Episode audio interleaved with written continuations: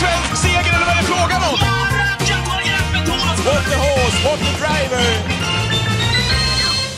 Välkommen till den här veckans Travpodden. Kul att ni är med oss eh, även den här veckan. Och det är ju lite speciellt för vi ska ta med oss ytterligare en röst, David, som ska få vara med och eh, tycka till och prata hela den här podden faktiskt. Ja, men vår podd har ju ett rätt, eh, får man säga, fyrkantigt och fast format. Det är du och jag surrar själv, vi ringer upp en aktuell gäst och sen så pratar vi V75 och hiss och diss. Men nu tänkte jag att vi tar med gästen hela vägen så får man höra lite åsikter. För att den här gästen har ju väldigt mycket åsikter också själv. Och ta upp aktuella ämnen och höra hans syn på det. Vi ska prata lite matchning av hästar, bland annat Hail Mary och så vidare. Då är det kul att få en röst inifrån också om de ämnena. Mm. Därför tycker jag att vi välkomnar Marcus Pilström. Tack, tack. Hur är läget? Allt är bra. Vad gör du just nu? Jag sitter och laddar för travtävlingar på kvällen här så att eh, och ser fram emot det här poddavsnittet. Ja, du har alltså, Ja, vad sa vi, tre hästar till start på Östersund ikväll och en i Gävle. Hur delar du upp dig? Ja, vi har skickat hästarna redan så att jag ska åka till Gävle senare när vi är klara med det här. Ja. Okej. Du, eh, du har 47 hästar såg jag på, på listan nu. Är det, är det, har det vuxit genom åren det här de senaste åren eller hur har det sett ut? Nej, men vi står på ett jämnt antal. Va? Vi har inga mer platser och inga mindre så att det, det är fullt i stallarna och så har det varit i två års tid. Va? Det, det kommer aldrig bli mer heller så att eh, vi försöker få lite bättre kvalitet på grejerna så att eh, men 47 är ett lagom antal. Men när du säger det att det aldrig kommer bli något mer. Du har bestämt dig eller du har inte plats eller vad är grejen? Vi har byggt ut så mycket gården klarar av va? så att eh, jag tycker det är lämpligt antal. Det, det krävs mycket för att driva ett stall på 100 häst va? så att eh, 47-50 hästar tycker jag passar mig utmärkt. Hur, hur tycker du att du har kvaliteten idag då? Eh, vad har du för kvali kvalitet på hästarna tycker du? Ja, men vi har byggt om ganska rejält. Va? Vi har eh, 14 tvååringar, nej 14 ett- treåringar och 9 tvååringar. Va? Så att vi har väldigt viktat om från att bara starthästar till mycket unghästar. Va? Vi syns ju mindre men eh, det är roligare att jobba med bra hästar än att eh, jaga runt med så gamla starthästar. Så att, eh, det tar lite tid för vi har för lite starthästar va? men eh, det blir bra i slutet på året. Här. Vilken är, vilken är hästen som ligger dig varmast om, om hjärtat här de senaste åren? Och vilken har varit, eller vilka har varit reklamhästarna som du ser det? Och Vi har ju haft, eh, vi har varit med i derbyt, va? Global Revenge var ju med och British Crown i derbyt och så har vi varit trea i Oaks med Opis First Girl. Va? Och har väl en 20-30 V75 segrar men det är väl Global Revenge som har varit stjärnan. Han tävlade mot Nuncio och fick knappt stryk av honom i British Crown. Va? Så att, eh, vi har varit med i toppen där men de växer inte på träd de hästarna. Har du någon kommande, någon tvååring, någon treåring som sticker ut lite extra som vi ska hålla ögonen på? Jag har en världsrekordhållare som heter Queen Treasure som eh, fick stryka Bergans värsting Borups Victory senast. Va, och hon är ett sto, det ska man inte skämmas över. Hon var klart för de andra så att eh, hon borde dyka bra i storloppen tycker jag i, under året. Så det är väl min eh, stjärna under treårssäsongen En- tror jag. Jag har många En fina treåringar. världsrekordhållare. Vad gick hon för världsrekord? Hon gick, ja vad sprang hon? 15 och 9 som tvååring volt va? Nej, Auto, Auto på Umeåker eller? Nej, volt på eh, Östersund? Östersund. 16 och 3. 16 och Okej. 3. Ja, 2 och 1 volt. Okej, eh, Okej, vad sjukt. Vilken grej. det hade jag inte koll på. Ja, ja, snyggt. Ja, verkligen. Ja. Men hon sticker ut lite Ehm. extra tycker du? Ja, men hon sticker ut lite extra, men jag kommer med många fina och jag har fin treårsguld. Kanske ingen stjärna mer än hon, men jag har hästar som räcker långt i treårsloppen, tycker jag. Du har ju annars den här um, som, det är en härlig kämpe. Det är kul med de där hästarna, Marcus, som ändå kan starta på ett tag också upp i åren. Imported from Detroit. Hur många starter har han gjort egentligen? Jag måste gå in och kolla. Det känns som att han har varit med hur länge som helst den hästen och gjort det bra. Ja, man har inte startat så ofta. Han är gammal, va? Han är nio eller tio år och Ja, Precis, det var tio år. ja. 10 år exakt. Tio år. Och gjort eh, Mm. 89 starter. ja, men det är inte så mycket på tio år tycker jag. Han startar lagom många per år och han kommer att starta vidare i år. Det räcker naturligtvis inte i gulddivisionen, men jag hoppas han räcker upp i Norrland en bit under året också. Du, vad har du för Ja. träningsfilosofi? Nej, men jag, vi tränar mycket tungt i backe och sådär. Jag har lärt mig, det mesta jag kan har jag lärt mig av Robert Berg och vi försöker träna ganska tufft och få starka hästar. Va? Det, det brukar räcka långt. Du, bara säga här. Men vad, vad är det framförallt då med, med Berg som du har, som du har tagit till dig eh, av hans egenskaper? Ja, men han är, jag tycker han är överlägsen. Va? Det, det, jag tycker det är Sveriges bästa hästmänniska. Så att eh, man får lära sig så mycket som möjligt av honom och jag tycker jag har lärt mig en hel del och tagit in i vår verksamhet som, eh, som jag använder. Vi har backträning och vi kör ganska långa jobb och, och vi kör inte så fort. Va? Det är lite, det är våran filosofi och det har jag lärt, tagit mycket från Robert Okej. från tidigare. Mm. Eh, när vi ändå är inne på Robert eh, så briefade vi ju förra veckans podd, David, om Hail, Hail Mary. Och nu, har han varit ute och visat upp sig också. Eh, och han gjorde det i snöstorm uppe på Bodentravet. Jag tyckte lite synd om Hail Mary, att han skulle ut eh, och springa i det Ja, där. det snöstorm. Det var väl snarare att det hade snöat och höll på att töa. var slaskigt och blött och skitigt och allting. Och det var väl en klassisk Mm. Robert Bergårds-debut om man jämför med de andra femåringarna som är i toppen. Det är ju liksom Don Fanucci sett. Han fick springa 09,9 i dödens eh, på clickbait på Färjestad och Ecrydé fick debutera mot ja, elithästar på Solvalla medan Robert Berg då valde Boden en fredag. Ett lopp där han inte mötte någonting. Och vad sa det egentligen? Ja, vad tycker ni? Pilström? Ja, vad säger du? En avslut, 1.05 avslutade vi på den där banan va, med PG-skor och dubbla tunga boots. Va, och prestationen var ju svårbedömd men eh, vi som har sett Robert Berg, jag har aldrig sett en lyckligare så att det var väl ett besked som hette duga tycker jag. Hans uttryck var ju enormt. Jag gillar ju det här att jag gillar den här typen av årsdebuter att man väljer bakdörren lite grann ifrån strål, strålkastarljuset och kör lite i skymundan och väljer ett enkelt gäng och så här. Jag tycker det är snyggt. Men! Eh, och det här är ingen åsikt om egentligen. Nästa start sa Bergan, det här som var den nionde. Nästa start sa Bergan, det är alltså på Åby den 8 maj i Lyons lopp. Ett femårslopp under Paralympiatravstaden och även Kungapokalen och Drottning Silvias pokal kört, körs. Eh, Det ju, krävs ju mycket mer den dagen. Men sen är alltså Elitloppet i slutet av eh, maj och det sa han ingenting om. I min bok känns ju Elitloppet helt uteslutet. Vad säger du?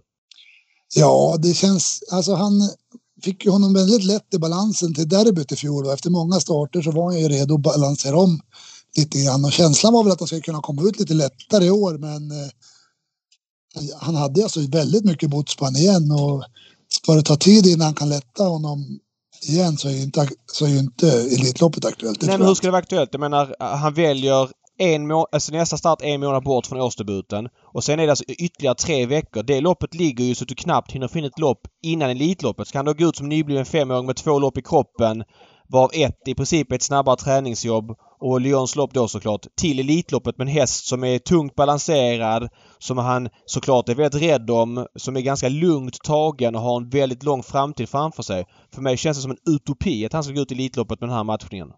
Jag håller med dig David, men man räknar inte ut Robert Berg. Va? Det är, han har lurat en förut. Han startade ju dubbelanmälde Chocken Superman den här veckan. Han, Nahar vann ju V75 på Gävle veckan före Elitloppet. Det vann sen Elitloppet. Va?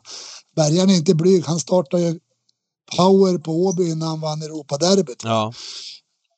Det sitter en räv bakom hans öron. Va? Men Ja. för, mig, för mig är det också som du säger David att nej, Elitloppet är långsökt. Men Bergaren, det är Bergaren. Ja, ja, jag förstår det. Ja, jag, för, min, för min bok känns det långsökt med den här matchningen. Då hade han i så fall kanske valt Boden, ett lopp innan Åby och någonting mer. Men nu känns det som att eh, han, ger bort beslutet till matchningen. Liksom. Han kan skylla på det och säga att ah, men det blev lite för tidigt i år. Det är min känsla.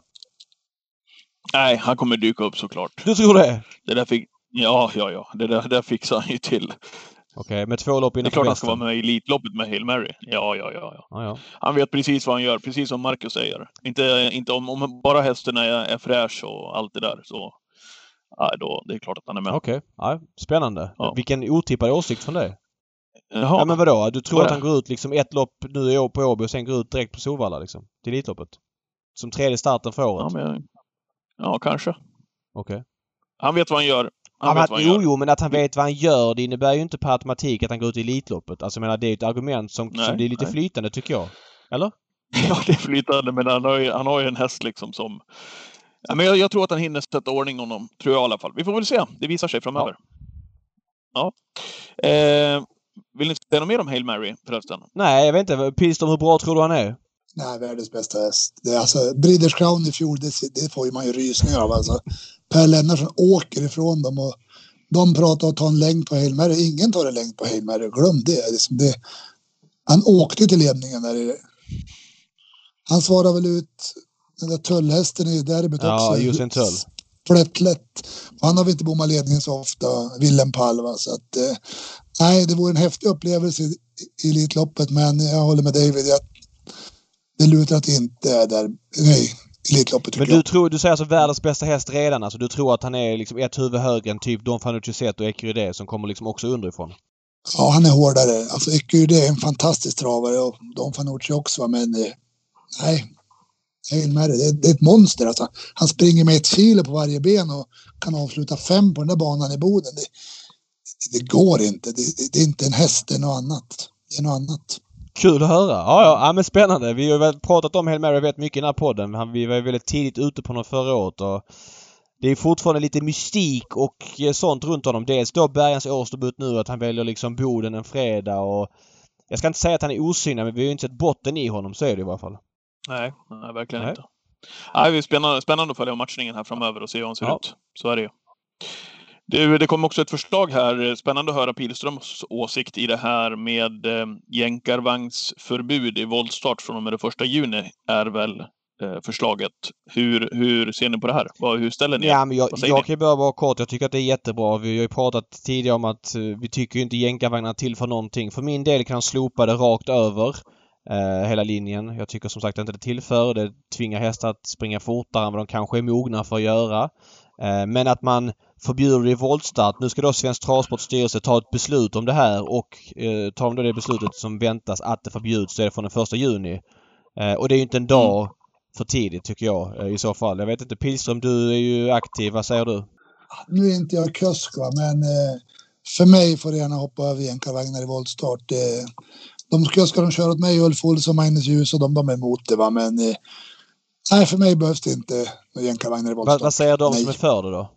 Vi pratar om olika längder på vagnarna och bredder. Det, det, det är svårt att bara förbjuda jänkarvagnar. För det finns andra vagnar som är lika långa, lika smala. Va? Så att vi, det, det kan inte bara bli förbud mot jänkarvagnar. Det måste bli något typ av mått. Alltså det är ju för trång och för långa vagnar som vi måste diskutera, inte vilken benämning vagnen har. Va? Okej, okej. Mhm, mm. Är, det, är det just alltså det, att man slår i? Är det det liksom att, är det, är det där olycksrisken ligger, eller? Men när du vänder runt va, med en sval vagn då är det rätt att hästen slår i hjulet Mm. och blir rädd. Va? Och de är ju flyktdjur va? så att när du slår i hjulet så smäller det till ganska bra och hästarna blir rädda och då är det olycksrisk. Okej. Mm. Men, Vad säger du David? nej men vi såg ju Ulf Olsson här, var det på Gävle? Det var ju en olycka som var väl kopplad till att han hade en jänkarvagn där hästen skickade ut honom. Nu minns jag inte vilken häst det var och eh, jag, jag, det är klart att säkerheten måste ju vara prio ett. Jag menar att jänkarvagnen är inte byggd för voltstart. De kör ju inte voltstart i. USA och definitivt inte som på samma sätt som vi gör i Sverige. Att vi har tagit deras vagn och importerat i vårt voltstartsystem. Någonstans har det blivit kraftigt fel på vägen. Så att eh, och, och då där många aktiva sagt att det är en förhöjd olycksrisk. Eh, då måste den ju bara bort från, eh, från voltstart i första hand. Men här är intressant för att Bergan som du pratade tidigare om som verkar vara en bra polare till dig Pilström och som du har tagit efter mycket. Han är väldigt mycket emot jänkarvagn. Jag tror du skulle vara väldigt mycket emot också men det är du alltså inte på samma sätt. Vi använder inte jänkarvagn så mycket va? men eh, Robert är ju helt emot jänkarvagn. Det har han gått ut med tydligt och att han vill inte ha det. Va? Så att, eh, jag är inte lika stark som honom med den åsikten men å andra sidan kör jag inte lopp så jag ska inte lägga mig så mycket i den diskussionen tycker jag. Nej okej. Nu, nu, är nu, nu förs ju diskussionen här kring voltstart. Tycker ni också att, för de röster finns ju de också som sagt, som ty- tycker att jänkarvagnen ska bort helt ifrån svensk travsport. Även om man startar med startbil. Ja, jag tycker ju det. Det har jag sagt tidigare. Jag vet inte, vad säger du Pilström? Man kan ju inte stoppa utvecklingen. Det blir svårt va, tycker jag. Att, eh, men eh, som sagt, om de, de tycker att de skrämmer hästarna, va, men rycktussar och sånt är ju ännu värre om man rycker ur dem och skriker. Va, så att man kan se det på olika sätt. Jag, jag har ingenting emot jänkarvagnar i autostartslopp. Det tycker jag är helt okej. va, men eh, jag använder inte det så ofta så att för mig vore det kanske en fördel att de inte använder dem rent personligt. Då. Mm. Mm. Eh, vad tycker ni att jänkarvagnen ger? Vad får den för effekt? Ja, men till exempel om man ska sätta på jänkarvagn första gången på en häst som har gått med, med vanlig vagn tidigare. Vad, vad, vad känner ni spontant? Är det, är det överdrivet eller är det... Eller eh, vad tycker ni att det ger för effekt? Nej, men det, är- jag tycker en som har enorm effekt på de grejerna, det är Tarzan Melander. Va? Sätter han på helstängt och drar skor och jänkarvagn, då är det ju de 50 meter bättre. Va? Vad, som, vad som är vad. Va? Men jag tycker, för min del blir de ju- det är minimalt bättre. Jag tycker inte att det är en jätteskillnad. Va? Men vissa får ju en jädra effekt på det där. Varför? Det, det är svårt att säga, men jag tycker det, det skiljer mellan tränare och tränare, tycker jag. Inte häst. Nej men det, det håller jag Nej. också med om. Jag kan ju säga en annan tränare. Jag tycker Peter Untersteiner får jättebra effekt på jänkarvagn på sina hästar. Per Ubo till exempel. V75-finalerna på Solvalla för några veckor sedan. Han hade spetsläge och han var helt livlös i starten innan. Nu var ju inte jänkarvagn att han var, att han var livlös i den starten hela sanningen. Men med jänkarvagn till fi- finalen på Solvalla då kändes det helt plötsligt som en bra chans som en aktuell häst som kunde vinna loppet för att han förstärkte så mycket av jänkarvagnen och det var ju också sanningen också. Han höll ju farten på ett bra sätt och Peter får ju den här aerodynamiken på, på jänkarvagnen som inte alla kuskar får. Örjan är också duktig på det som kusk. Eh, och, och hästen kunde vinna det loppet. Det var en liten utrustningsseger i min bok. Jag tror inte den hästen är så bra att han spårar fler finaler men just den dagen, en kanske lite svagare final, han hade den utrustningsförändringen. Då tror jag det är helt avgörande. Eh, Det finns flera kuskar som är duktiga på att köra i det men det krävs att man förstår det för att få ut maximalt av jänkarvagnen. Vissa gör Mm. inte det och då blir det bara pannkaka. Mm. Mm. Ja, vi får väl se. Var, var, var tror ni att det landar då? Ja, jag tror att det kommer komma ett förbud på sikt ju. Men nu har ju folk köpt på sig jänkarvagnar och Eh, investerat i det. Jag tror inte bara man kan eh, såga av den grenen direkt. Men, eh, men på sikt så tror jag att det kommer hända. Vänder man på frågan så landar vi ändå i att de tillför inte speciellt mycket. Det är min känsla och eh, vissa hästar springer kanske fortare än vad de kan. De kortar kanske karriärerna. Det finns väl kanske inte någon superdata på det men det är min absoluta uppfattning och då är känslan att de inte tillför någonting inom travet och då tycker jag de ska bort på sikt. Ja. Okej, ska vi blicka tillbaka lite grann vad som har hänt förutom Hail Mary start i Boden V75 förra veckan på Jägersro. Grattis förresten David! Storslam, det var... Ja, det, det mesta satt, eller allt satt väl? Ja, mer eller mindre på, på spel och lekkontoret. Nej men det var kul. Dels Expressen-systemet med spik på Scorpions Madness i V751. Bo Bosse Öberg! Örberg! Ja, han körde med pondus. Ja, han ställde en fråga till Björn Goop efter en bit och Björn ville väl inte släppa men han tvingades släppa efter en bit och Scorpions Madness är väldigt löpvärdig. Det har han visat tidigare och svår att ta sig förbi. Nu gjorde Laradja Vreithout ett bra lopp men inte tillräckligt bra för att plocka ner Scorpions Madness. Eh, Så det var väl lite klon av systemet. Sen vann ju din favorithäst Tyson Dimanche. Äntligen! 1,97 procent. Den eh, ville man Helt inte, o- overkligt lite. Men det Ja. sa vi också. ja, den ville man Mm. inte kliva av på. Och sen så fick den andra spiken Racing Mange som inte var favorit när vi spelade in podden men blev ganska klar favorit, vilket var väntat. Fick spåra runt om men känslan är ändå där att det var Cyber Lane som gjorde den bästa insatsen i loppet. Jag vet inte Pilström, vad, vad säger du om Paralympiatravets försök där på Jägersro? Vad stack ut för din del? Nej, men jag imponerades kraftigt av Untersteiners häst. Va? Jag, tyck, jag har alltid tyckt att det var en spetshäst, men jag får nog ändra mig där för att eh, det var imponerande. Jag tror att han är med i Olympiatravet. Mm, det tror jag också. Han lär få en... Eh, förut var det ju ettan och tvåan som gick vidare. Nu är det bara ettorna. Men Jon Walter har wildcards till hästarna som har deltagit i loppen. Och det är klart att mycket ska till för att Cyber Lane inte ska få en inbjudan och vara en av dem bakom bilen på Åby den 8 maj. Jag vet Mm. inte Patrik, sen, ja nej det var storslam. Det blev väl 230 000 i netto på alla systemen och flera unika system på spel och lekkontoret. Så det var ju kul. Eh, Just såklart, Efter en del, en tids eh, torka kan man säga. Mm, Nu var ju Farlander Am var ju eh, favorit i och för sig, men eh, han var så där bra som vi ja, trodde han skulle vara. Det viktade ju också åt honom innan det var klart. Nej men så är det och han är... Vi visste ju inte riktigt hur han hade tagit loppet efter årsdebuten. Det var ju ganska tufft och ett lopp i kroppen men eh, han var ju så bra som han var förra året och vann väldigt enkelt efter en vaken styrning av Stefan Persson. Eh, sen tyckte jag Johan Svensson var inne på ett skönt spår efteråt att han kommer att testa honom nu. Det är silverfinalen, Elitloppsserien och så vidare och kanske något storlopp. Jag kan tänka mig typ Norrbottens stora pris. Kanske lite långt upp eller något annat eh, Årjängs stora sprinterlopp. Men att han får känna på eliten i något lopp. Men han har ju lite pengar kvar att tjäna i silver innan han behöver ta klivet upp och möta de bästa. Mm. Kanske ska nämna Oxidizer också med eh, Uffe Olsson som vann med knapp marginal mot Reckham. Eh, du använder ju Uffe Pilström. Vad, vad, vad tycker du är hans styrkor som kusk? Ja, Jag kör ju inte emot honom, men Daniel Weijer brukar säga det går inte att ta sig förbi Olsson på upploppet. Och det tyckte Nej. jag Kristoffer E- det tyckte jag Kristoffer Eriksson fick veta det loppet för att Jag tyckte väl att Reckham var klar när han svängde in på upploppet, men eh, Olsson passerar man inte så lätt. Och inte. Dicer heller. Nej.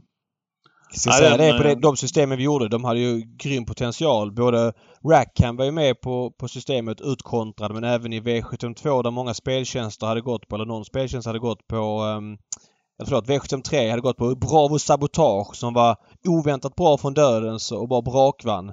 Eh, han kontrade ju Mm. ut eh, Piccadilly som var 9-procentare. Så att med de två så kunde det blivit en rejäl slant. Men så är det, man kan inte få allt i livet. Nej, så är det. Vi måste ändå ta ett varv kring Bo Örberg och inte bara att, vi, att, du, att du spikade Scorpions Madness och Bosse Örberg. Det, det var ju läckert att se ändå, för det är inte... När Björn sitter där med ändå en betrodd häst, de var ju lika hårt spelade, Scorpions Madness och Gassa BR, så är det ju inte ändå så många som provar i det läget. Det ska man ju ha klart för sig.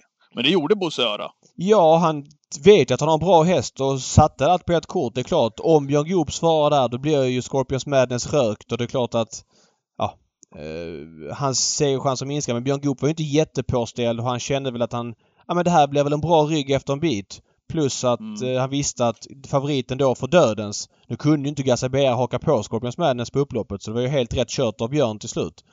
Eh, ja, nej det, var, det är kul med sådana friskusar. Man, jag älskar den typen av kuskar på V75. De rör om i grytan lite grann. De kör på ett lite oväntat sätt. Nu var inte det här något jätteoväntat i det här loppet men det är klart att vi har, måste ha eliten i första hand på V75 men det finns plats för andra aktörer också. En sån som Bo Örberg tycker jag är väldigt kul. Eh, det, alltså han kör i loppen på, på V75. Men det, Vad det säger här, du, Pillström? nej, men jag gillar sådana här kuskar som gör lite annorlunda. Va? Och Björn visste ju att han kommer ju inte i mål om han svarar. Och det vet man ju också. Om Kla- kommer Klas Kern, då måste man också släppa. Va? Det går inte. Men det är Nej. häftigt. Det är kul att de finns för att eh, det får en ny dimension på loppen. Ja, verkligen. Sätter ju färg på dem, helt Mm. klart.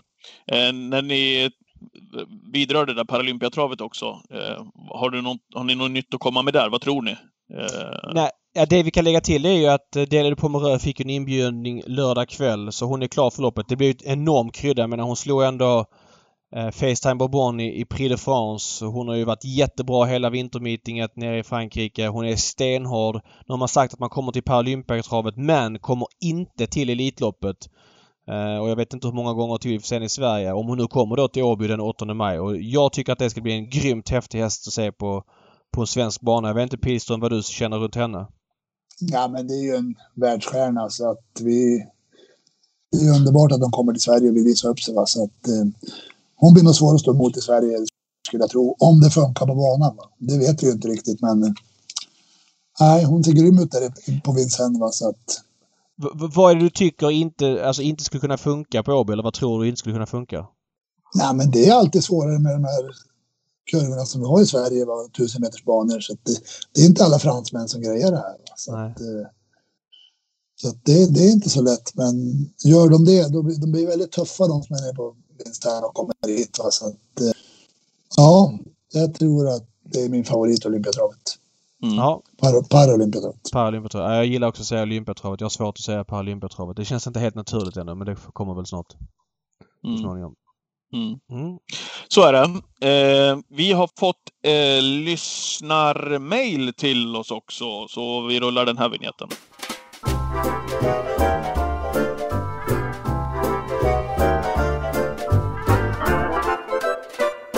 Vi har fått ifrån Rickard Pettersson. Han hade en hel del frågor, så vi, vi gör så här att vi, vi, vi tar en av dem här och så kan vi ta upp något ytterligare i, i nästa veckas podd, tänker jag. Mm. Eh, han skriver bland annat Ni var framme med motorsågen på Elian Webb.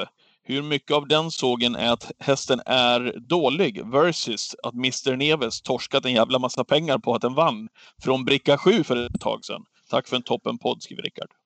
Ja, eh, vi har ju sagt att Ellen Webb är kraftigt på retur eh, som nioåring. Han hade den här hjärtmuskelinflammationen Ja. och sen så har han väl Sen är varit... han ju spelad, han är ju spelad hela tiden. Ja, men han är spelad hela tiden och han, han hade ju en lång period där han var obesegrad i spets i Sverige. Det var ju fram tills Elitloppsförsöket förra året. Då käkade Cockstyle upp honom. Och sen efter det så fick han ju en rejäl trycka när Jorma valde att svara Vitruvio och Oslo Grand Prix. Och efter det har han ju varit en nivå sämre. Sen har han kanske varit sjuk då med den här hjärtmuskelinflammationen och det har varit andra grejer. Eh, och han har blivit nio år liksom. Eh, det ska man komma ihåg. Men Mm. eh, ja, den dagen när han eh, vann på Romme den 12 april förra året, det var i påsken. Jag satt ju faktiskt V75 den dagen. Den gav en och en halv miljon och, då var ju han bidragande nyckel till att värdet gick upp. Eh, Sorbet var ju stor favorit i loppet. Men frågeställaren har ju rätt i att jag dissar hästen på ett så här tillsammanssystem på mitt unika. Där missar honom på fem hästar tror jag.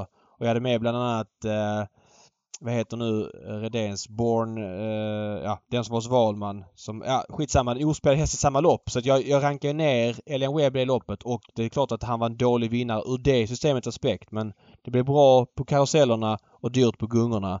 Eh, ja, kontentan är Backs, att... Backs to Burn? Backs to burn, precis. Hade jag betalat för Ja. han var ju bara 2 eller 3 procent.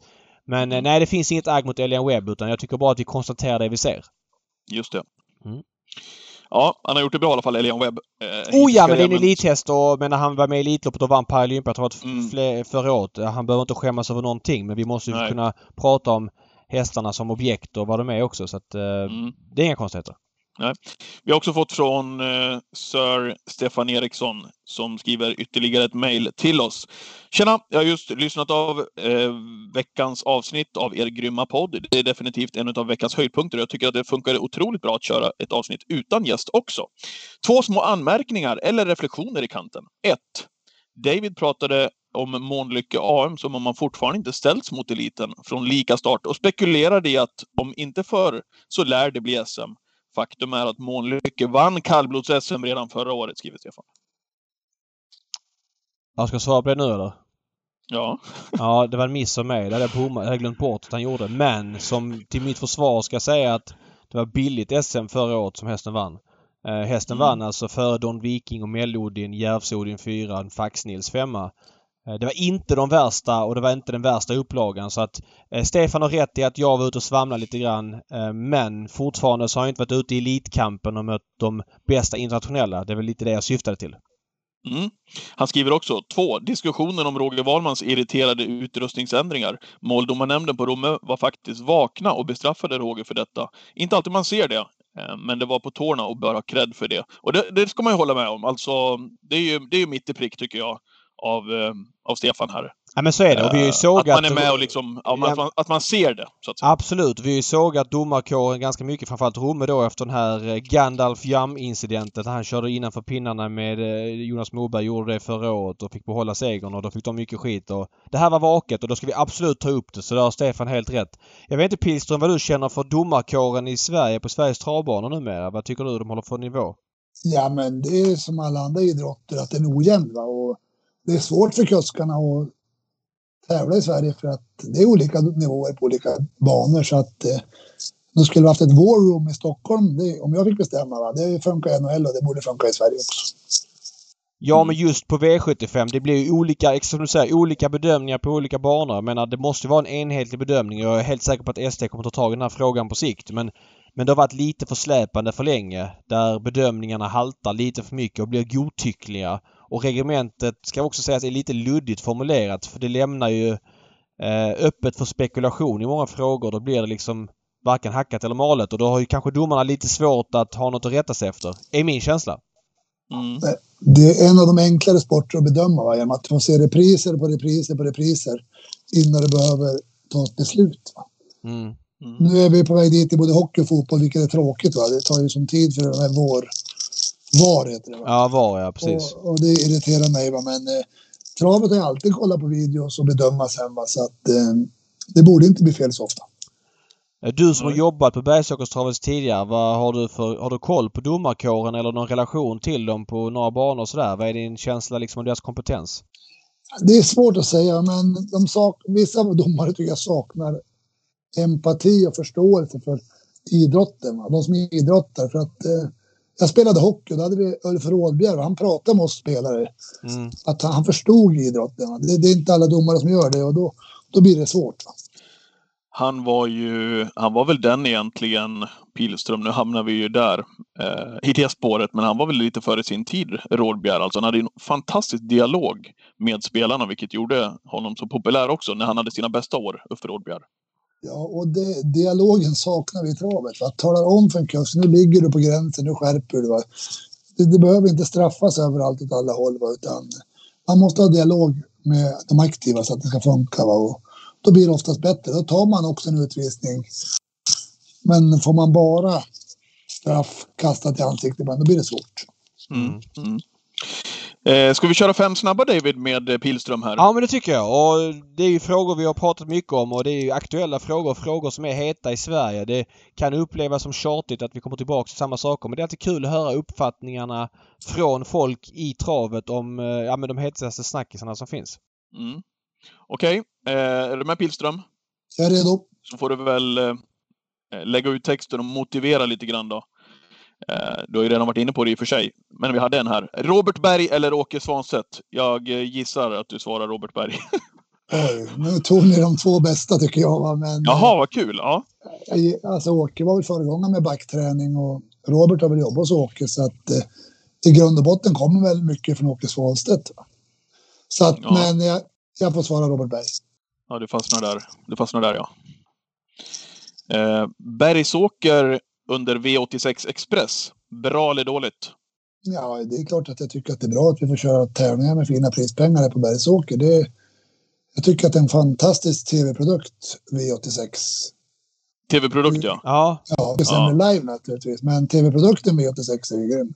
Men mm. då, då, får vi bara dela upp den här och dissekera den lite grann. Ursäkta Patrik att det blev fem osnabba den här gången också. Men eh, hur tycker du rekryteringen av hästägare och sånt fungerar eh, när det är en sån tävlingsdag? Nej, det går inte. Det är ingen rekrytering för, V86, för, för hästägare och de som vill gå på trav. V86 ska ses hemma i soffan. Det, det, det, går man inte att kolla på. För att det, det funkar inte på travbana tycker jag. Men eh, som sagt, det, vi, V86 är inte till för publiken på plats utan det är till för TV, TV-publiken.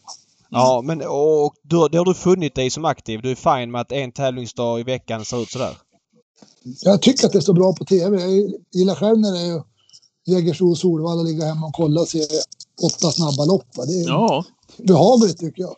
Men Jäkligt däremot bra. så vara på plats är ju inte något roligt. Va? Det, är, det, är liksom, det är avslaget, det, det, är fina tävlingar, det är inget liksom, nej det, det är dött alltså. Det, det känns inte som det vinner ett större lopp V86 då känns dagens dubbel bättre ikväll liksom än V86 hemma. Ja, jag fattar. Ja. men min kontenta är ju mm. att man kan köra Express hur mycket man vill men det ska gå på en bana tycker jag. Men alltså, Solvalla-regionen som inte har egna tävlingsdagar kontinuerligt. Visst man har lite fredagar och sådär men ska alltid saxa sin huvuddag. Eh, menar hästägarna går väldigt mycket back på att vara hästägare man behöver lite mervärden runt sitt hästägande och det där. Och det får man när, man när ens häst vinner och det är lite folk på plats. När en häst, ens häst vinner, visst, Får jag 60 lax i, i första pris för att det är lite högre omsättning, men får 45, det skiter jag i. Nu talar jag bara för mig själv, det kanske inte alla gör. Då tar jag hellre att det är folk på, på restaurangen som man ändå liksom vill göra gimme five med eller gratulera och surra med. Ja men lite den grejen, mervärdet för att äga häst, det är ju helt borta eh, när arenan är soptum. Det här har vi snackat mycket om, vi behöver inte fastna i det. Jag vill bara höra din åsikt. Det var lite därför vi, vi landade i det. Ja, men just, jag håller med, håller med vad du säger David. Och samma sak, spelarna vill se värmningar och allting på alla hästar. Mm. Men V86 det är en ren tv-produkt. Och det, det, det, det köps, det omsätter mycket pengar, det genererar mer pengar. Men samtliga andra dagar är det underbart att ha hästägare på restaurangen. Jag har en hästägarplats där man kan vara man vill ju ha beröm från de andra när man vinner. Alltså gå ner för... Ja men fira med någon liksom. Alltså liksom man är ja, ju glad men, sådär ju. När du, går, när du sitter på kongressen och vinner ett lopp, det är en underbar resa ner för trapporna ja. och upp för trapporna. Det, ja. det, är klart att det är värt mycket pengar, bara känslan. Mm. Att gå för de trapporna. Va? Än att det är tomt på läktarna som det är nu. Det är ju det är inte samma sak. Va? Det är ju, Nej det är slutspel i hockey nu också. Det är inte alls samma sak. Mitt favoritlag Timrå, det är inte en människa på läktaren. Det är, det är inte samma Nej, för, för, för, för coronan ska vi säga då såklart. Så det är en helt ja. annan anledning. Nej men jag håller med ja. om att det är jättebra att man har uppfunnit det här med att det går fort. Men då tycker jag att det borde gå att lösa på en bana. Eh, det är min take i alla fall. Men ja, vi kan släppa den och gå vidare Patrik så kan du eh, fortsätta. De, de fem mm. är, är, det någon av er som äter, är det någon av er som äter smågodis eller någonting? Det prasslar ju eh, hos någon utav er. Ja, det är inte jag. Jag är, jag är oskyldig också. Oskyldig. Kanske är du ja, Patrik? Okay. Eh, nästa, nästa fråga här. Eh, så blir det barfotaförbud eller inte barfotaförbud? Treåringar tänker vi då. Oj, nej men balans och bara, jag tycker inte man behöver köra barfota runt om. Det tycker jag absolut inte. Och, nej, men jag skulle gärna köra med skor på treåringarna men, om alla gjorde det. Mm. Men lite grann det där- 16-20. Ja, fortsätt. Eh, Hail Mary har ju inte varit i start om man måste ha skor bak tror jag. Va? För att, eh, en sån heter extrem som går med så mycket vikt fram och inget bak. Va? Så att, det är ju en balansfråga att förbjuda. Det blir, det blir det svårt. 16-20 eller 14-30 vad gäller V75 start? Jag har lärt mig att leva med 16-20 faktiskt. Det, Kan, nu, nu måste jag, jag, jag tar bladet från munnen här. Eh, kan det vara den punkt som har diskuterats flitigast som egentligen inte är någon biggie överhuvudtaget? Jag fattar inte grejen. I alla andra sporter, eh, Pilström, du och jag som håller på med hockey också. Eh, där kan man flytta någon timme hit eller dit. Det spelar ingen- liksom ingen roll. Det blir, det blir inte världskrig för det. När, när travet flyttar till 16-20. Alltså, det blir sånt liv som man fattar ingenting. Helt ärligt. nej, det har varit en väldigt stor sak. Och Sen det man tycker, det jag saknar lite grann med V75 och det vet jag att ni också får runt och res på V75. Det var ju väldigt roligt när det började klockan ett för gemenskapen att folk kom de före och sådana där. Va? Det var ju, var ju tappat lite gemenskap inom travet med 16-20. Va? Mm. Att eh, du kommer samma Ja, dag och precis. Okej. på Ja, du tänker dagen innan, ja. Det är, det, är, det är en bra, rolig aspekt att du tar upp den, för den har jag inte hört. Utan man hör ju ofta, vilket man kan förstå i viss mån också, att hästskötarna kommer hem någon timme senare och så vidare. Men, eller att, för jag, jag har ju svårt att köpa det här också, att nej, men då åker man inte och tittar på sin häst om det är V75 start 16.20, men man gjorde det tidigare när det var 14.30. Antingen åker du och får se din häst. Om den startar en timme eller en och en halv eller två timmar senare, det spelar liksom ingen, ingen roll. Inte i min bok i alla fall. Jag har svårt att se att, många, att man ska resonera så.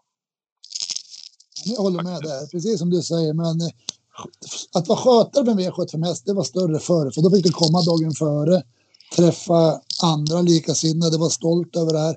Nu kommer du dit, det blir mer som en vanlig travdag. Jag, har- jag har inga problem med 16-20 på frågan istället. Nej. Nej. Jag bara säga kort. Jag tycker heller inte... Jag tycker expressfrågan är mycket viktigare. Att Solvalla inte har egna tävlingsdagar. Mycket, mycket viktigare. Men jag kan tycka att för min del som konsumerar mycket V75 och det är liksom lite lör, lördagens grej. Jag upplever att det blir en väldigt lång väntan eh, tills det börjar. Jag, jag känner liksom att jag, jag går och stampar och, och stampar och stampar och sen när, när det väl är över då har dagen gått. Sen så vet jag att jag är inte bara målgruppen för det här. Man måste anpassa det efter väldigt många andra människor som konsumerar trav och jag vet inte hur, vilka som gynnas av det här. Visst, vissa säger då ja men mina ungar de hinner med hockeyn, träningen eller hockeymatchen, sen kan jag kolla travet. Ja, det är så. Ja, det, det är och sen i andra vågskålen är det, ja vi ska vara bortbjudna klockan sex eh, eller vi är bortbjudna klockan halv sex på, på lördagen och så vidare och då blir det liksom lite tight. Man hinner aldrig se klart travet. Det finns nog plus och minus och sen så vet ju inte jag, ja, det har väl ATG koll på såklart men alltså motiveringen är att det ska högre omsättning och det omsätter högre nu än vad det gjorde innan det infördes. Är senare spelstopp hela anledningen? Tveksamt. Eh, Tillsammans är en bidragande orsak eh, och så då coronan och så vidare kan vi isolera för det spelar ingen roll. Men det var ju ingen så här superduper omsättningsökning eh, sett till att bara 1620 skulle göra det utan det är andra faktorer som har kommit efterhand. Så att det är det jag är Mm. lite skeptisk till och menar travet är det är så Pilström säger, det är det här mervärdet att vara hästägare, åka iväg, sova över, åka på trav. Det blir lite jobbigare om du ska vänta hela dagen och inte kan dra direkt på morgonen utan måste liksom komma hem sent på kvällen. Men åker vi till Gävle en lördag, ja då, då, då är det liksom en timme lite för sent man kommer hem på kvällen. Det är min totala Mm. slutsats av det hela. Sista på fem snabba. Eh, sporten hockey eller sporten trav? Inte ett kryss två nu, du får svara en av dem. Mm. Nej, men då, då tycker jag naturligtvis sporten trav. Det är ju ofrånkomligt. Va? Det är ju... Ja, Jag gillar trav bättre än hockey fast jag är uppvuxen inom hockeyn. Så trav, det är spänning hela tiden. Eh, 52 omgångar i elitserien är inte jättesexigt. Mm. Nej. Nej. Och tungt för er nu också, du då, som Timroit, att ni, ni torskar finalen upp till SHL. Men det, är en, men det är en annan sak. Det är en annan fråga. Ja, det, det är en väldigt stor fråga Ja. tycker jag. Ja, Ja, vi får se. De är storfavoriter att gå upp i SHL, Timrå. Ditt gäng där. Får vi se om de lyckas. Ja, det tror jag att de gör. Mm. Ska vi gå igenom lite V75 eller vad säger Ja, ni? vi kan gå igenom lite rappt. Vi behöver inte fastna i varje lopp i evigheter för att jag tycker att omgången är sportsligt väldigt trevlig. Det ska bli kul att se många av de här hästarna. Eh, Men tyvärr spelmässigt känns den eh, iskall mer eller mindre. Jag har svårt att säga att det ska hända någonting och favoriterna känns väldigt starka. Så då behöver vi inte lägga liksom halva lasset med att prata V75 i 20 minuter. Vi kan köra lite snabbt. V71 favorit är 5 Moses. Vad säger ni där? Vi kan börja med Pilström. Här är nummer åtta, Goner, helt stenklar. Oj, fan, jag, äh, det, vilket underbart... Eh, tänk om alla V75-gånger hade varit så här. Nej, jag, jag har också feeling för att... Tre, men nu, då, då, då släpper vi V75 1 där. Nej men säg... 13 första varvet efter galopp senast och kommer i mål över 3 och 1. Det var en fruktansvärd prestation. Mm. Mm, mm. Nej, han har varit jättebra i, i Wäjerstens regi och eh, jag håller med om att Gunnar har, borde ha en bra chans. Känslan är att Moses, jag vet inte om det var... Han var väl kanske visserligen helt okej senast men han är väl bäst på kort distans när han får rusa på. Det är min absoluta uppfattning och full väg nu återigen känns väl som ett eh, litet minus. Så jag köper Pilströms eh, Mm. idé helt och hållet. Och Rally-Hans blir överstreckad igen. Okej. V75 2 då? Ja, Favorit nummer 8, Magnificent Tuma. Ja, jag tror att den är helt stenklar faktiskt. Eh, hästen var väl sisådär i årsdebuten men det var ju någon... Var inte det voltstartsincidenten med Olsson? Vad det där hände med... Eh, när han ramlade ur med jänkarvagnsgrejen. Oavsett så, så dröjde starten och hästen blev lite het. Han gick ändå helt okej. Det var tredje och fjärde spår. Inte lika bra som i höstas när han debuterade för Redén och vann före behind bars men jag ser ingen annan i fältet som är i närheten av det han presterade på Solvalla den dagen. Och här gäller det bara för Örjan att hitta ut ett lopp i kroppen. Det är såklart ytterligare ett plus. Uh, han blir lite mindre spelare än vad han borde för att det finns lite starka favoriter. Spelarna ödslar streck här så jag tror att han har toppchans. Jag vet inte vad Pilström säger. Happakangas, min kollega här på Bergsåker, sa att det var det bästa han har tränat nummer två, Gogo Betsisu. Mm. Nu såg jag inte loppet senast, men det var debut för honom. Han vann väl lätt som jag Mm. fattade det. Och li, lite varning på den. För dåligt påläst för att uttrycka mig, men det var hans ord och det var starka ord. Ja, absolut. Mm. Nej, gillar också Magnificent Tuma. Tror att eh, han löser uppgiften bara Örjan hittar ut. Han brukar inte sitta fast i och för sig från spår 8 heller i volten, men eh, min vinnare definitivt. Håller han sig runt de här 30 procenten så ja, Mm. då, då känns det bra. Tredje avdelningen då, kallblodsloppet. Favorit Odd Herakles. Ja, han har väl toppchans. Han kommer bli släppt i ledningen. Han har vunnit 20 raka travlopp. Eh, han möter ju bra hästar sådär och det ska bli kul att se Månlycke som verkligen var något extra senast men att han ska plocka ner Odd Herakles som är så otroligt löpärlig från dödens. Eh, det är svårt att tro och ibland får man bara kapitulera och inse att en häst är bättre än övriga. Fan vad Månlycke ändå var fin sist alltså. Ja. Vilken, vilken, eh, vilken skick han presenterade sig i. Ja. Ja. När, när Gunnar sa att han kände att det var 60 meter bättre än i fjol. Och, Ja. och jag tycker faktiskt att Odd Herakles har 20 raka. Byter ställe. Av, Avel i Bollnäs, ny tränare. Ja, det finns frågetecken. Här eh, spikar vi nummer 11, Månlycke. Ja. Men du, varför, är det, varför flyttar han till Bollnäs? Är det bara avel eller är det för att han ska tjäna mer pengar i Sverige som tävlingshäst? Jag fattar aldrig det. Nej, det är avel. Rent avel. Fransson är ju en fantastisk entreprenör va, som har många fina avelshingstar där. Så att, eh, det är miljöombyte och jag tycker att det är absolut en stor favorit i fara. Här måste det ändra ner så det går inte. Okej, så, du, Nej. okej, så att han är där för att han ska betäcka bara och så vidare. Inte för att han ska tävla i Sverige och tjäna mer pengar helt enkelt. Nej, han Nej. ska eh, avla och tränas där. Ja. Det är, Fredrik är jätteduktig, men nytt ställe, beteckningar. Nej, det är minus på nummer 6, Odd Herakles. Mm. Klar Ja. fördel 11. V74 diamantstort försök. Eh, jämnstreckat och här kommer spelarna ödsla sina streck deluxe eftersom det finns starka favoriter. Favorit blir tre Lyckans Cash. Vad säger du här Pilström? Du har ju, jo vi ska säga det, du har ju 13 Global Worthy här med, med tre raka anmäld barfota runt om. Vad säger du om henne först och främst? Ja, men hon har gått bra på slutet och intressant med, tre, med barfota runt om. Kommer säkert kanske göra sitt livs bästa lopp, men eh, hon behöver ju inte sträcka på kupongen, det tycker jag inte. Nej, okej. Nej. Ja, Nej. det var ju tydliga besked. Vem vinner loppet då, tror du? Ja, nummer eh, sju, Beauty vinner min första häst. Ja, samma här. Eh, gillar, fick ett tufft lopp senast men hon har faktiskt visat sig vara rejäl och verkar gilla det här med att springa. Jag gillar henne också faktiskt Mm. måste jag säga. Mm. Eh, Då är ja, vi eniga. Då är vi eniga. Vi landar in på den. V75 ytterligare en klar favorit. 3 Deal Danset. Patrik, du börjar den här gången. Din känsla för honom? Fan, man måste ändå säga det om Dildan sett alltså vid de här segrarna. Vilken, vilken ärlighet han visar, eh, visar alltså över upploppen. Man, det känns ibland som att det är tomt, men ändå så sträcker han på sig Dildan sett och det jag måste säga att jag är imponerad utav honom. Eh, nu har han ju fått läget igen. Han eh, är i bra form.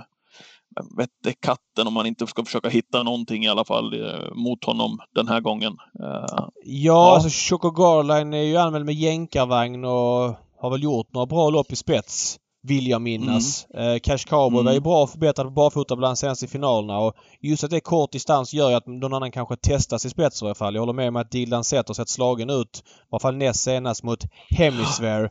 Men uh, har visat sig vara väldigt löpärlig. Uh, man Verkligen. Prova, Hemisphere är en jättefin häst. Ja, man måste prova gardera här ändå. Kan inte gå på honom uh, som Nej. så stor favorit när det finns som... Du nämner, du nämner Choco Garland som ändå står inne på kronan och har, har läget och har, ska på med bike. Mm. Till 2 procent. Absolut. Ja, spår rätt. Vad säger Pilström? Mm.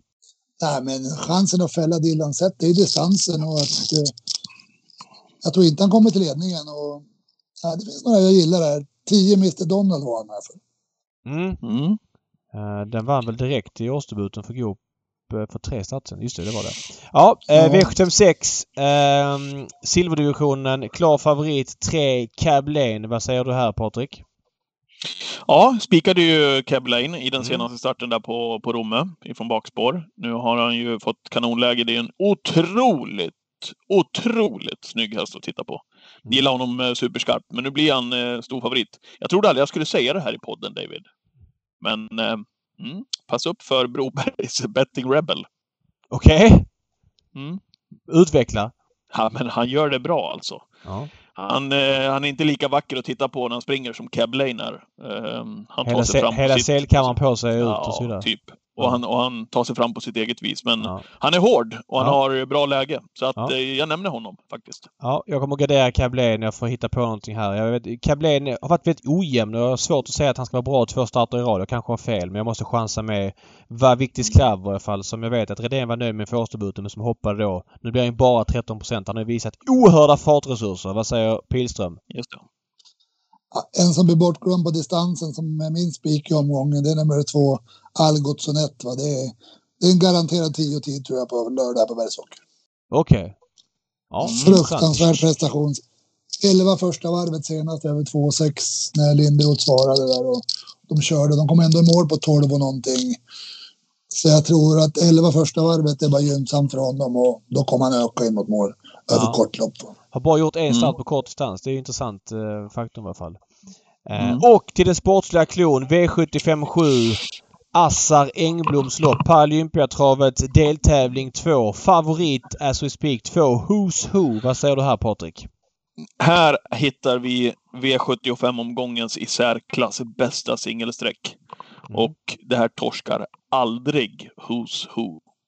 Örjan kan lägga upp det som han vill. Han kommer sitta i, i, i toppläge. Intrycket senast fullständigt magiskt. Visserligen inte den tuffaste utav konkurrens, men ett alldeles perfekt eh, lopp för honom eh, efter, eh, efter vila.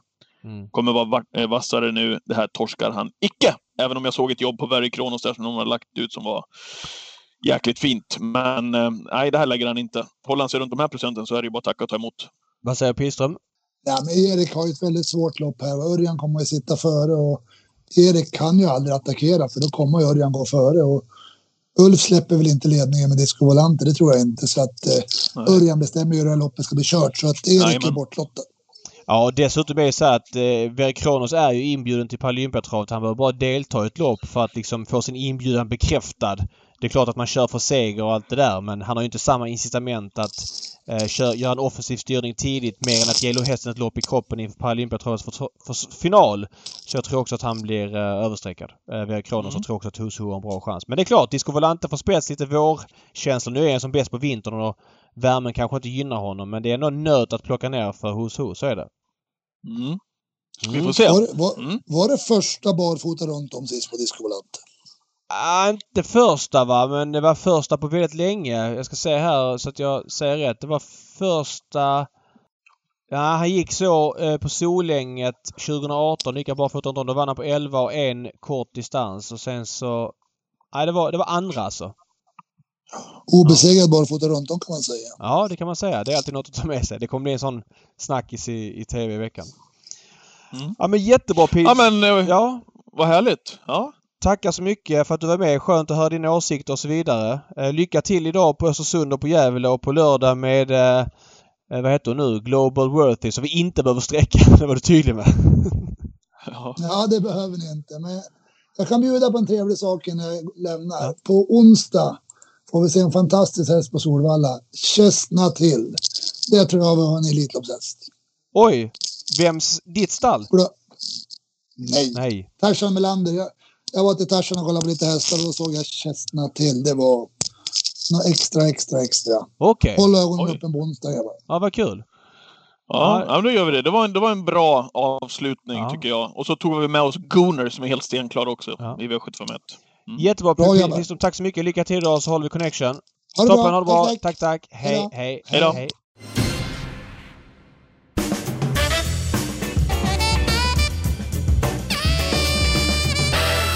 Ja, veckans hiss och diss är här. Du ska dissa David. Ska jag börja hissa jag då? Ja, gör det. Mm. Ehm, jag ska ta upp en grej som jag kanske tycker att det kanske pratar lite för lite om faktiskt. Vi är ju många som hyllar, ställer oss i hyllningskören bakom Örjan Kihlström när han kör i positionen i dödens, först ytter om ledaren. Hans sätt att bedöma tempo, ta tillvara på hästens möjligheter, att hela tiden liksom ja, men ha feelingen att köra i den positionen. Vi pratar mycket om Björn Goops finish-körningar. Är han kanske världens vassaste? Att få snurr på dem över ett upplopp? Mm. Men pratas det inte lite för lite om Erik Adielsson när han kör i ledningen? Fullständigt magisk tempobedömare i mina ögon i alla fall. När, när man vet att Erik har ledningen, han har en hyfsat bra häst, han har någonting att åka med, så tar han alltid tillvara på hästens chanser. Otroligt skicklig att sätta upp tempot, att inte köra för långsamt och bjuda in någon, att inte köra för snabbt och bli trött, utan alltid hålla, eller ja, ställa in klockan rätt så att säga. Till exempel bakom Domingua förra veckan. Bara ett av många exempel man kan göra med Erik. Han är ruggigt skicklig på att köra i ledningen alltså. Och det, Det det, är, är- inte, det är inte, det är ju inte, då, det är kanske någon som säger att ja men hur svårt kan det vara att köra till ledningen och sedan så kör man där. Det är ju inte hela sanningen. Nej, men han är väldigt duktig tempobedömare och han är väldigt duktig taktiskt också. Så att eh, Mm. jag håller med dig om att han är... Men Erik har gått lite under radarn sista åren. Precis. Han var ju väldigt het typ 2001 till 2000... Uh, ja, egentligen superhet där tills han höftopererade. Sen kom han tillbaka och var också het. Men i takt med att Stigs stall minskade så tappar ju Erik lite liksom många så här V7-styrningar och så vidare och har inte haft... och Han har ju haft Svante Båt hela tiden men Svante Båt har ju haft mest unghästar och kanske inte haft så mycket V7-hästar på vintern. Så han har ju saknat ett, ett storstall som kanske då Örjan har haft. Först då kanske med Hultman, Wahlman och sen då Redén och Björn har haft sitt egna stall och Erik har ju fatt lite mellan stolarna där men jag håller med dig att eh, jag tycker han är lika bra fortfarande och tyckte hela tiden. och Jag har Verkligen, behov- har, verkligen. har, inget be, har inget behov av att säga det till andra människor. eh, Utan Nej. ser de inte det själva så är det tråkigt för dem. Han Men, berättade eh, väl det också här i podden lägger- att han hade tappat någon kund och sådär också med tanke på att han inte har varit lika ja. frekvent eh, men och så så, det. vidare. Och- Och han har ju varit väldigt trogen att köra alltid mot eh, antingen Stigs hästar eller Svantes. Ja men han åkte till Åby igår för att köra Juan Perdy i princip enbart när Svante ändå hade hästar på Solvalla. Han hade Chipper Kronos bland annat. Så att, Mm. eh, och det är sånt som han kanske värdesätter mer nu. Sen så är det så att konkurrensen är tuffare nu för 15 år sedan vilket gör att det är lite svårare att liksom... Det var väldigt mycket Erik Björn Örjan för 10 år sedan. Nu har liksom Olsson hittat en ny position. Vi har Jeppsson underifrån. Vi har hela gänget med Ljuse, Rickard Skoglund. Eh, ja, det finns väldigt många andra duktiga catch drivers. Så att eh, det är inte lika lätt längre att få de där andras tredje styrningarna längre. Vilket gör att resultatet blir sämre. Men jag tycker inte att han är sämre kurs för det. Så att jag Nej. håller med. om. Mm. Erik hissar jag. Vad dissar du? Ja, ja, men jag dissar eh, ett specifikt lopp men kanske en företeelse. Det är de här unghästloppen på vårkanten. Eh, Margareta-serien verkar gå väldigt bra. Den är full och det är väldigt fina pengar att köra om. Vårfavoriten är ett lopp som haft lite tyngre. Nu kör man vårfavoriten för eh, Ston, treåriga, igår på Solvalla och treåriga hingstar Wallacker och inget av loppen blev fulla. Det är för Ston, fick läggas utanför V86 och det är för hingstar och Wallacker hade väl, ja vad hade det, sju hästar. Eh, och det är såklart eh, för tunt och det har varit en sån trend i några år. Jag tycker att man måste hitta på någonting där för att få de loppen fulla. Men ingenting slår eh, det ihåligaste loppet av de ihåliga loppen. Derby Trial på Jägersro som har körts väldigt länge som någon form av försmak till Svenskt Travderbyt på våren. Som Mm. har gått i april under olika dagar. Det har varit 100 000 till vinnaren ibland, 150 000 till vinnaren ibland. Här har du antalet startande hästar sista 11 åren. Oj, 6, spännande. 7, 7, 8, 7, 9, 8, 8, 9, 5, 6. Detta är ett lopp som är anmält eller utskrivet för 12 hästar. Bra hästar har vunnit loppet och startat i loppet men det är alltid ihåligt och nu i lördags fick det flyttas utanför V75-kupongen eh, som det gjort någon gång tidigare. Här har man någonting att jobba på. Det här loppet eh, bör flyttas i kalendern eller att man skriver om propositionen eller någonting. Det är alltid eh, dåligt anmält det här loppet och det är liksom eh, skevt behandlat. Jag fattar att konkurrensen är större på sommaren men de fyraåringarna som ska med i derbyt och behöver testa 2,6 de gör inte det i april utan de kanske gör det i juni. Vad vet jag? Gör om loppet, agera, gör någonting för så här kan det inte se ut år efter år. Mm. Ja, bra. Vad spännande att höra att du tagit fram Ja. lite statistik där också. Det var ju ingen imponerande... Nej, det- Ingen imponerande siffror. Nej, så är det. Loppet måste, man måste göra någonting åt det. Så är det bara. Ja. Ja. Du David, vi laddar inför eh, lördagen såklart, V75. Hoppas att formen håller i sig eh, Ja, på, eh. på spel och lekkontoret. Ja, igår på jackpotten satte ju miljonmannen fick 8 rätt. eh, 13 000 per andel, 170 lax inspelat totalt och jag satte ju då fem system va. Olika system som byggde på samma grundkomponenter beroende på insats i lördag. Så formen är god! Mm, verkligen. Ja. Okej, vi hörs framöver hörni. Tack för att ni har lyssnat den här veckan också, så hörs vi igen nästa vecka. Bra! Tack, tack! Hej, hej! Hej, hej, hej!